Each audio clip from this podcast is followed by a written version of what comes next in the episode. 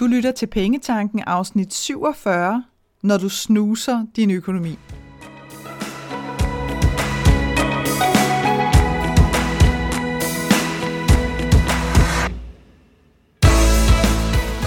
Velkommen til Pengetanken. Jeg hedder Karina Svensen. Jeg fokuserer på hverdagsøkonomi med et livsfokus. Når du forstår dine følelser for dine penge og dine tankemønstre omkring din økonomi, så har du direkte adgang til det liv, som du ønsker at leve. Lad os komme i gang. Jeg har bemærket et mønster hos mig selv om morgenen, når vækkeuret ringer. Hvis min mand stadig sover, så står jeg op med det samme. Men hvis min mand er stået op og er taget på arbejde, så snuser jeg. Flere gange.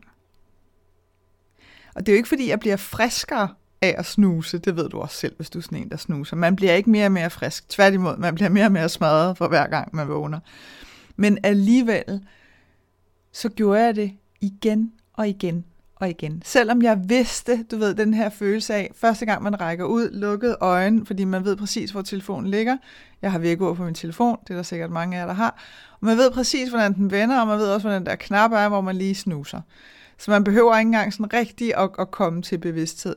Og allerede der, så ved man godt, jeg burde ikke gøre det, jeg burde bare stå op. Der er en mening med, at jeg har sat væk ud til at ringe nu. Jeg har jo ikke sat det til at ringe to timer tidligere, sådan så jeg kan ligge og snuse 48 gange. Det er jo ikke derfor, vi gør det. Men som sagt, jeg blev bare ved med at gøre det. Og det samme sker øh, rigtig, rigtig ofte med vores penge og i vores økonomi. At vi simpelthen bliver ved med at gentage nogle mønstre, vi i virkeligheden ikke har lyst til at gentage, eller vi bliver ved med at udsætte, selvom at vi går sådan desperat og ønsker os en forandring. Og det er præcis derfor, at jeg har lavet dagens afsnit, fordi at jeg faktisk endte op med at finde en løsning på mit snuseproblem, som jeg har lyst til at dele med dig. Og det får du at høre her i løbet af dagens afsnit.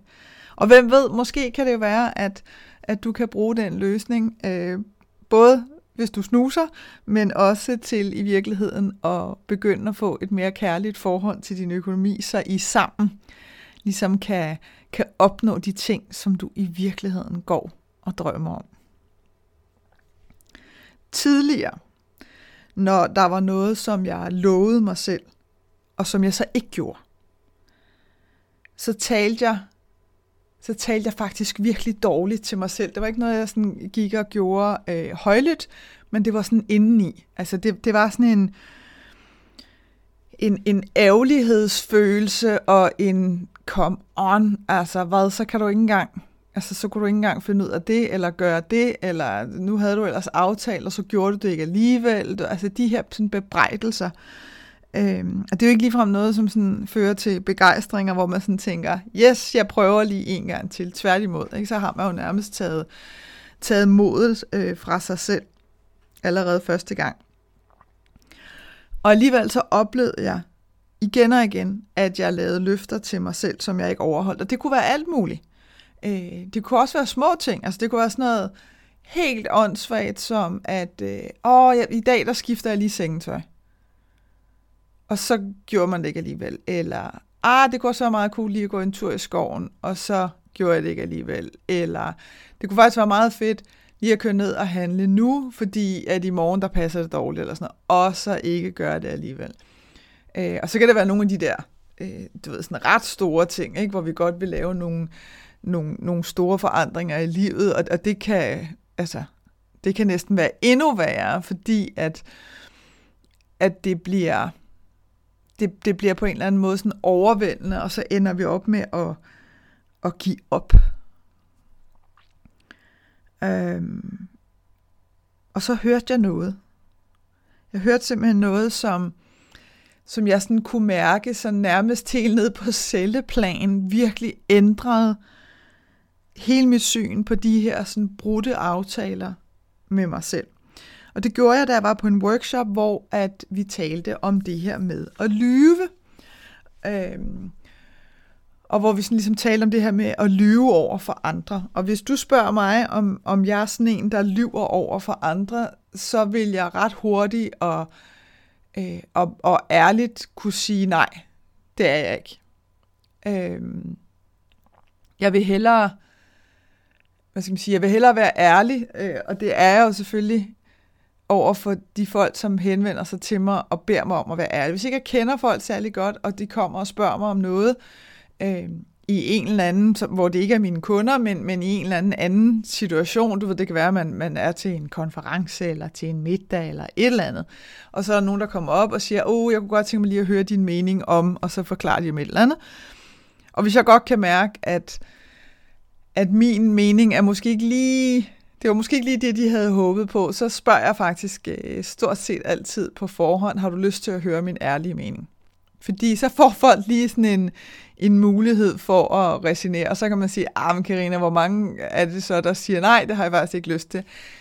Fair enough, det er rigtigt. Det vil, for de færreste vil det være sådan lidt, nej, det gider jeg ikke, og så gå igen. Men, men så har jeg ligesom lagt en disclaimer op, der hedder, her kommer min ærlige mening. Fordi at jeg bare egner mig virkelig, virkelig dårligt til at stå og blæse et eller andet knald af. Altså at fyre en løgn af, fordi, nå ja, det var, det var nu engang det nemmeste. Så jeg kunne sådan ret ærligt sige, nej, jeg er ikke sådan en, som, som lyver øh, over for andre. Og hvorfor er jeg så ikke det? Jamen, fordi jeg hader at lyve. Altså, det, jeg får det simpelthen dårligt med mig selv. Øh, og jeg får det dårligt over for dem, jeg har løjet over for, fordi selvfølgelig har jeg løjet. Jeg er jo ikke, øh, jeg er jo ikke sådan en total øh, glorieramt person, som siger, at nej, jeg har aldrig løjet. Men når jeg så har gjort det, så har jeg bare altid fået det virkelig dårligt. Øh, og det er jo altid endt med, at jeg har måttet bekende kulør, fordi ellers så ville det simpelthen ikke forsvinde ud af mit hoved igen. Altså, øh, så så det, det, jeg har virkelig sådan en følelse af, at det æder mig op indenfra, hvis det er, jeg lyver. Og så sidder vi på den her workshop, og så får jeg så præsenteret det her faktum, som der angiveligt er lavet en del forskning på. Jeg skal ikke kunne sige, om det er rigtigt eller forkert. Jeg vælger at tro på det, fordi det rent faktisk gav mening for mig, da jeg hørte det. At når du lyver over for dig selv, og det er jo for eksempel, når det er, du laver de her aftaler, du bliver ved med at bryde. Altså du står og siger til dig selv, nu lover jeg mig selv, at jeg gør det her i dag eller i morgen. Og så gør du det ikke. Og du ved egentlig, måske godt lidt, når du står der, at det her kommer, der er en vis sandsynlighed for, at det her ikke kommer til at ske, så står du faktisk og lyver over for dig selv. Og når du lyver over for dig selv, så er det lige så slemt for dit, dit nervesystem og, og dit, følelsesmæssige, øh, dit følelsesmæssige system, som det er at lyve over for andre. Og det var virkelig sådan en, hvor jeg tænkte, what?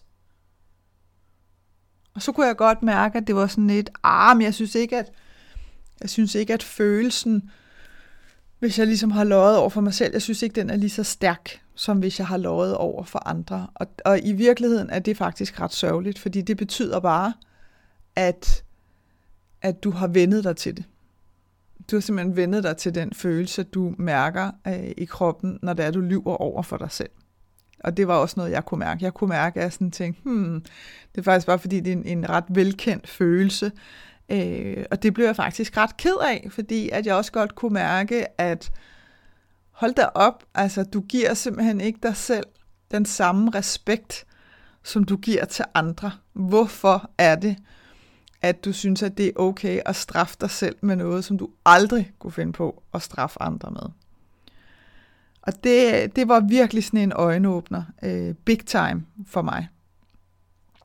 Og lad mig give dig et eksempel øh, sådan meget konkret øh, andet eksempel. Jeg har sikkert omtalt det sådan lidt rundt omkring på forskellige måder, men det var fordi, det var simpelthen så skældsættende et øjeblik i mit liv faktisk, at, øh, at det er passende lige at, at sådan kort repetere det her.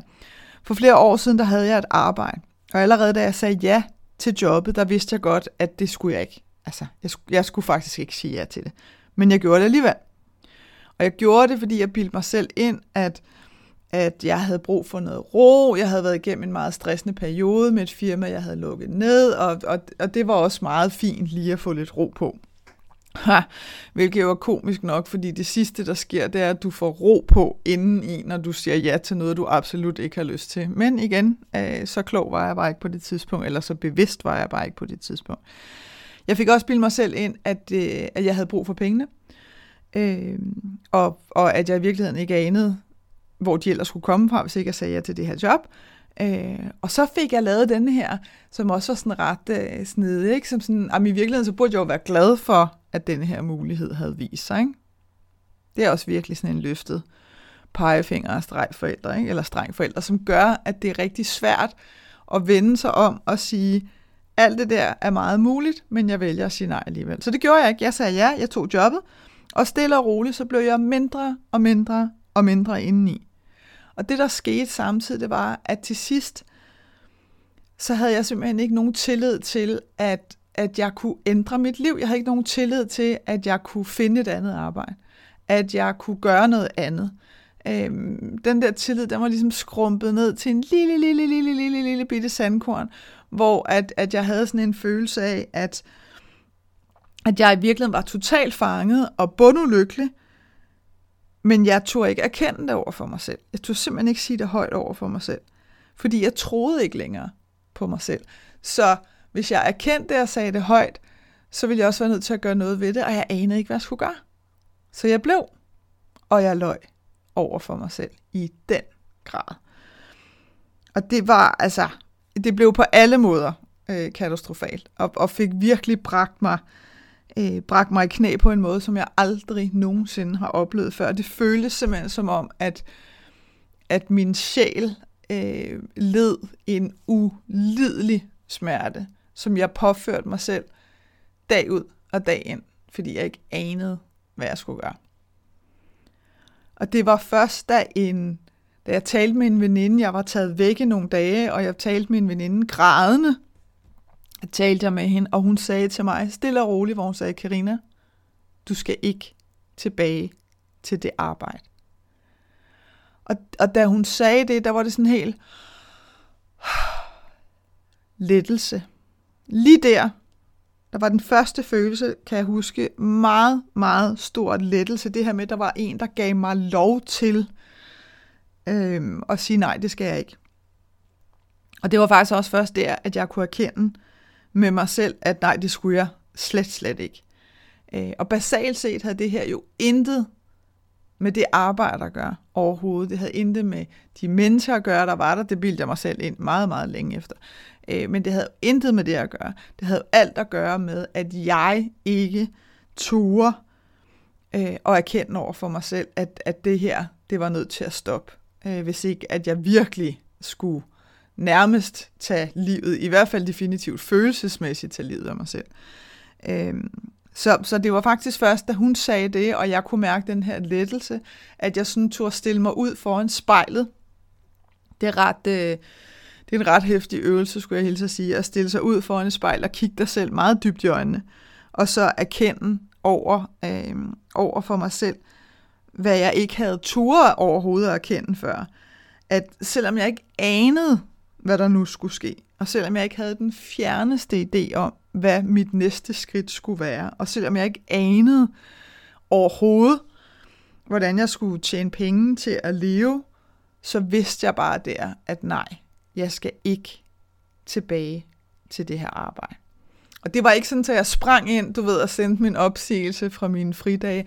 Jeg, jeg, jeg holdt bare virkelig den erkendelse i min bevidsthed, at det vidste jeg bare, og så måtte jeg hen over de næste par dage. Jeg tror faktisk, det var første dag, mener jeg havde fire fridage, og jeg tror faktisk allerede, det var på første dagen, at den der erkendelse, den landede. Og så havde jeg det bare sådan lidt, okay, nu har du tre dage, lad, lad tingene øh, summe rundt og komme ind, som de er. Lad være med at sige noget øh, til nogen, kan man sige, i hvert fald ikke rent øh, arbejdsmæssigt. Og så finde ud af stille og roligt, hvad i al verden skal der ske herfra. Øhm, og man kan sige, hvor, hvor skræmmende det end er, og for mig var det virkelig, virkelig skræmmende. Altså virkelig skræmmende.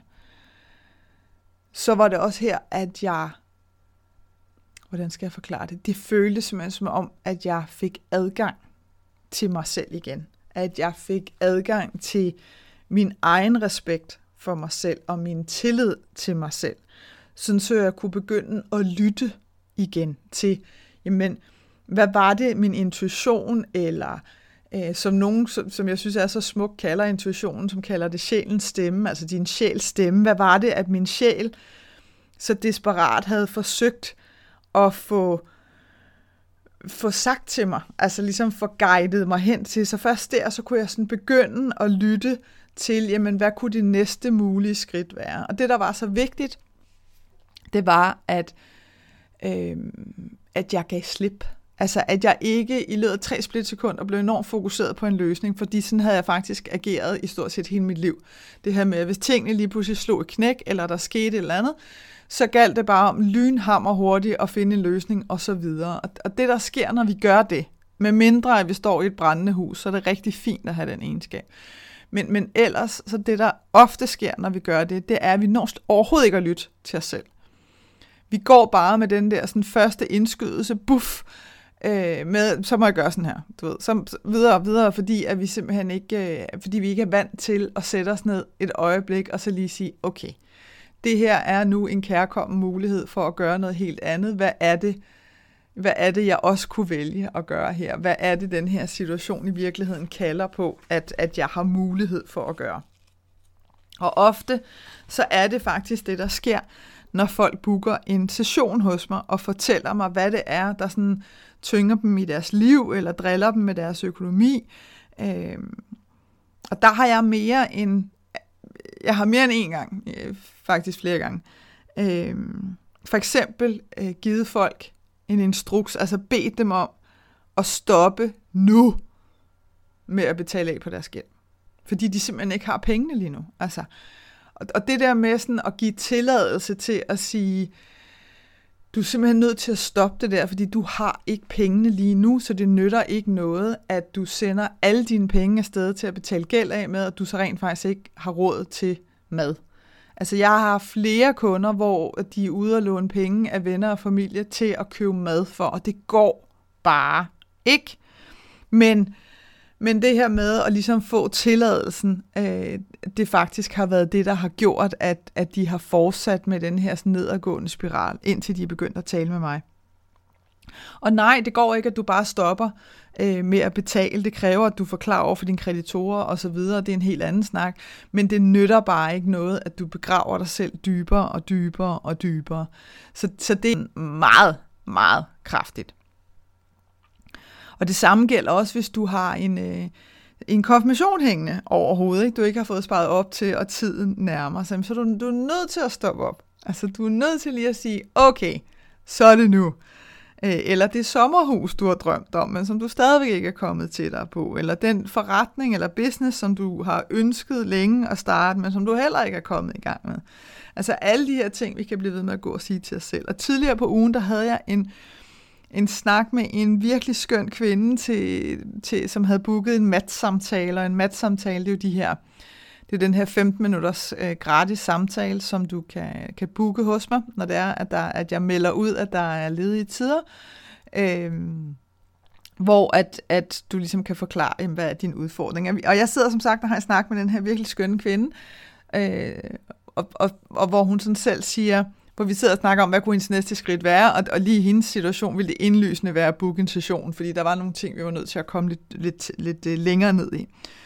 Øhm, og hun siger selv, det vil nok også være ret godt, fordi jeg er typen, der godt kan sige til mig selv, Nå ja, det der, det ved jeg godt.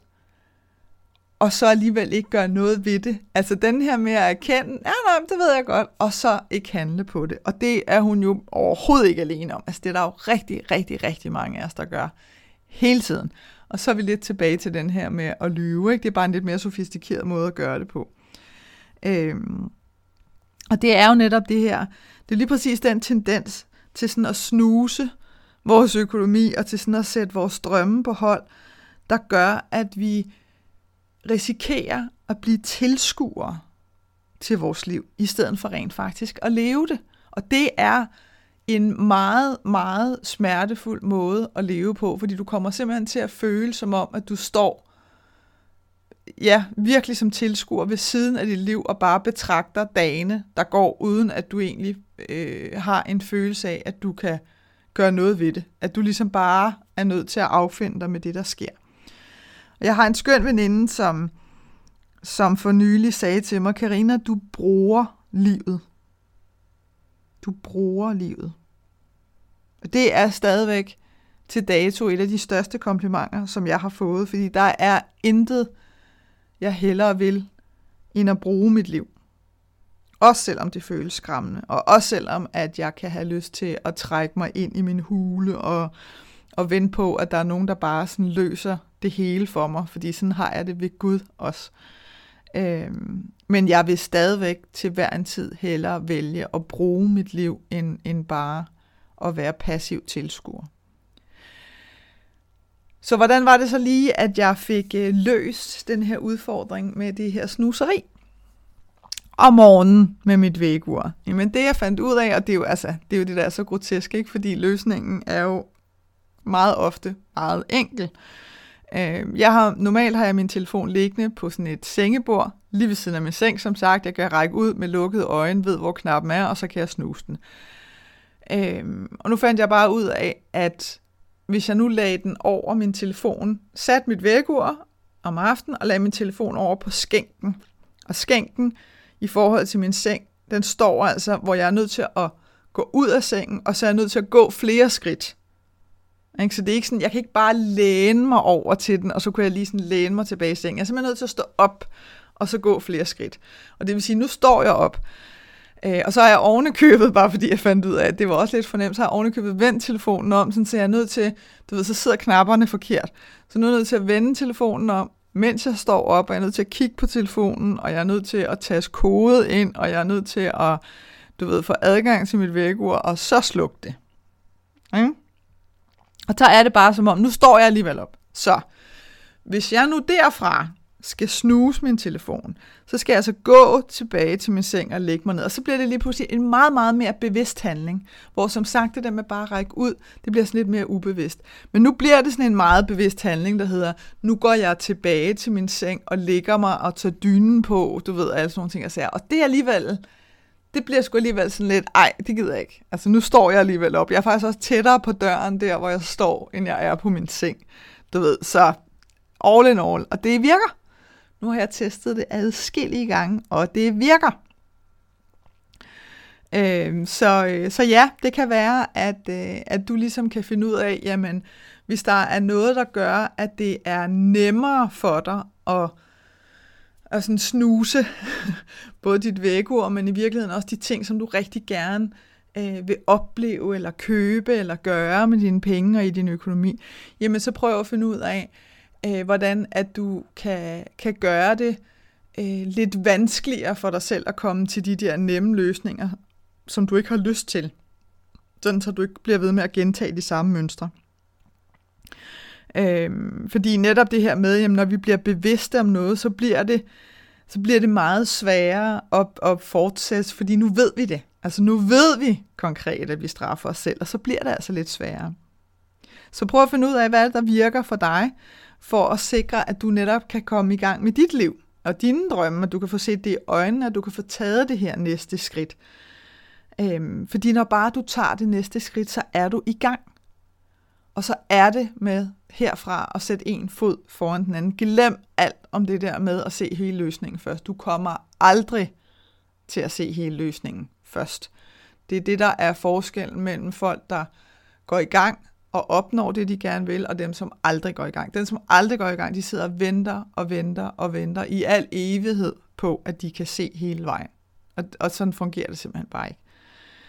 Øhm, og der hørte jeg faktisk også sådan en ret, øh, en ret fin og, og e-, egentlig lidt kærlig forklaring på, hvorfor er det, at vi ikke bliver præsenteret for hele vejen. Og det er fordi, øh, som, som Caroline Mays, som er den her øh, amerikanske, øh, ja hun er uddannet teolog og og mystiker og rigtig mange ting, som er super interessant, hvor hun siger, at hvis vi, hvis vi så alle skridt på vores vej, så ville vi fuck it up allerede ved andet skridt. Altså så ville vi begynde at, at lægge alt muligt øh, beregne, vi vil begynde at, at, at vil vurdere alt muligt andet, og det er derfor, vi i virkeligheden kun bliver præsenteret for et skridt ad gangen, fordi så er der simpelthen grænser for, hvor meget ballade vi kan nå at lave, og den synes jeg bare det var så fin en forklaring, at den havde jeg lige lyst til at, at give dig her.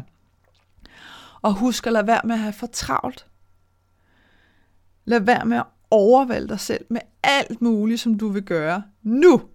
Altså nu, nu, nu, nu, nu. Ikke? Den her utålmodighed. Fordi i virkeligheden så er følelsen af overvældelse og utålmodighed, det er bare en anden form for snuseri.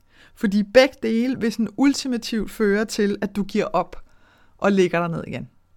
Og så er vi ligesom tilbage til, vi kom ikke rigtig videre. Så, tag magten tilbage over dine penge. Det er dine alle sammen. Jeg håber, at det her afsnit fra Pengetanken har været med til at inspirere dig til at skabe et liv for dig selv med penge nok til det, som du ønsker dig.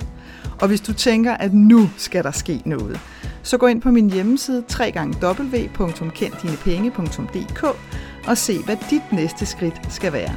Vi høres ved.